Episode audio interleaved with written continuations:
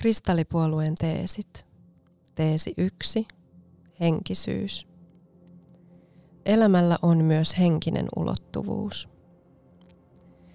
Pelkkään materialismiin ja oman edun tavoitteluun perustuva yhteiskuntarakenne on tullut tiensä päähän. Elämällä on korkeampi tarkoitus kuin vallan ja omaisuuden tavoittelu. Nyt on tullut aika, jolloin arvostamme asioita, jotka tehdään yhteisen hyvän vuoksi. Läntinen maailman katsomuksemme on pitkään perustunut kahdelle tavalle tarkastella elämää.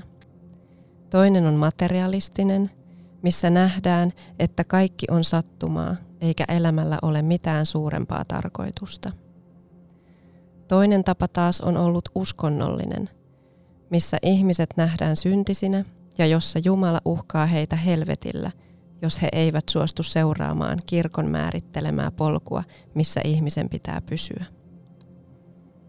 On kuitenkin kolmas tie, jota voi sanoa henkisen polun kulkemiseksi. Siinä nähdään, että kaikella tapahtuneella on ollut korkeampi tarkoitus, joka on kokemuksien ja oppien saaminen sekä henkilökohtaisen että kollektiivisen kasvun näkökulmasta. Tiede ja henkisyys ovat kohtaamassa toisensa. Kvanttifyysikot alkavat todistamaan henkisiä lainalaisuuksia todeksi myös fyysisten laitteiden avulla. Kaikki elämä on kytköksissä toisiinsa, eli olemme niin sanotusti yhtä. Se, minkä teemme toiselle, teemme todellisuudessa myös itsellemme.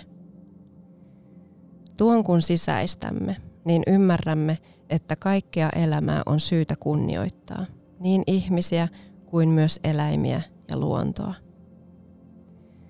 Käsite jumaluus on jotain, mikä on aiheuttanut paljon pahaa. Sen perusteella jaotellaan ihmisiä hyviin ja huonoihin. Sen perusteella ollaan vuosisatoja vainottu ja tapettu ihmisiä niin Suomessa kuin melkeinpä maailman joka kolkassa –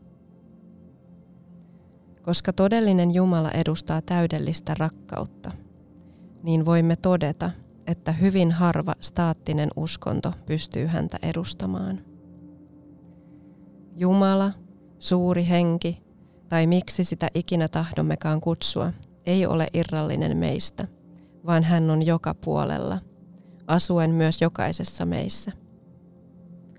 Koska me kannamme kaikki osaa hänestä – Olemme siis osaltamme luojia ja voimme näin ollen itse luoda elämämme ja tulevaisuuden ihmiskunnalle. Tämä planeetta, millä elämme, pohjautuu ihmisille annettuun vapaaseen tahtoon.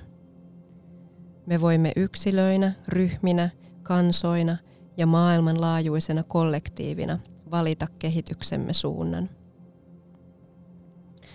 Olemme pitkään kulkeneet polkua, jossa ihmiset keskittyvät oman itsensä palvelemiseen, unohtaen muut. Ymmärrämme myös, että olemme luoneet ihmiskuntana tämän kaiken, missä nyt olemme, ja mitä kaikkea se sisältää varjoineen ja valoineen.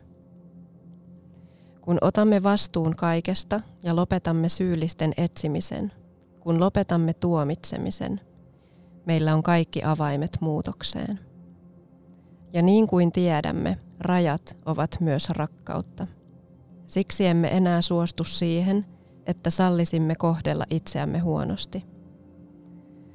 Planeettamme ja yhteiskuntarakenteemme on siinä tilassa, että jos emme kohta valitse toimivamme yhteisen hyvän eteen, niin alamme tuhoamaan itse itseämme kauaskantoisin seurauksin.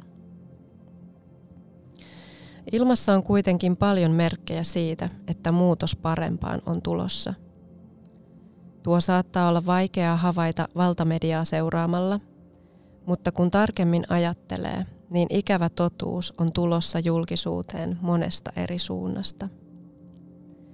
Koska totuus vapauttaa, tämä tarkoittaa myös sitä, että muutosta ajava voima kasvaa riittävän suureksi ja silloin muutos voi toteutua. Elämme parhaillaan aikaa, josta monien eri kulttuurien ikivanhat profetiat puhuvat – nyt on aika, jolloin tietoisuudessamme tapahtuu suuri muutos ja alamme ottamaan vastuuta itsestämme.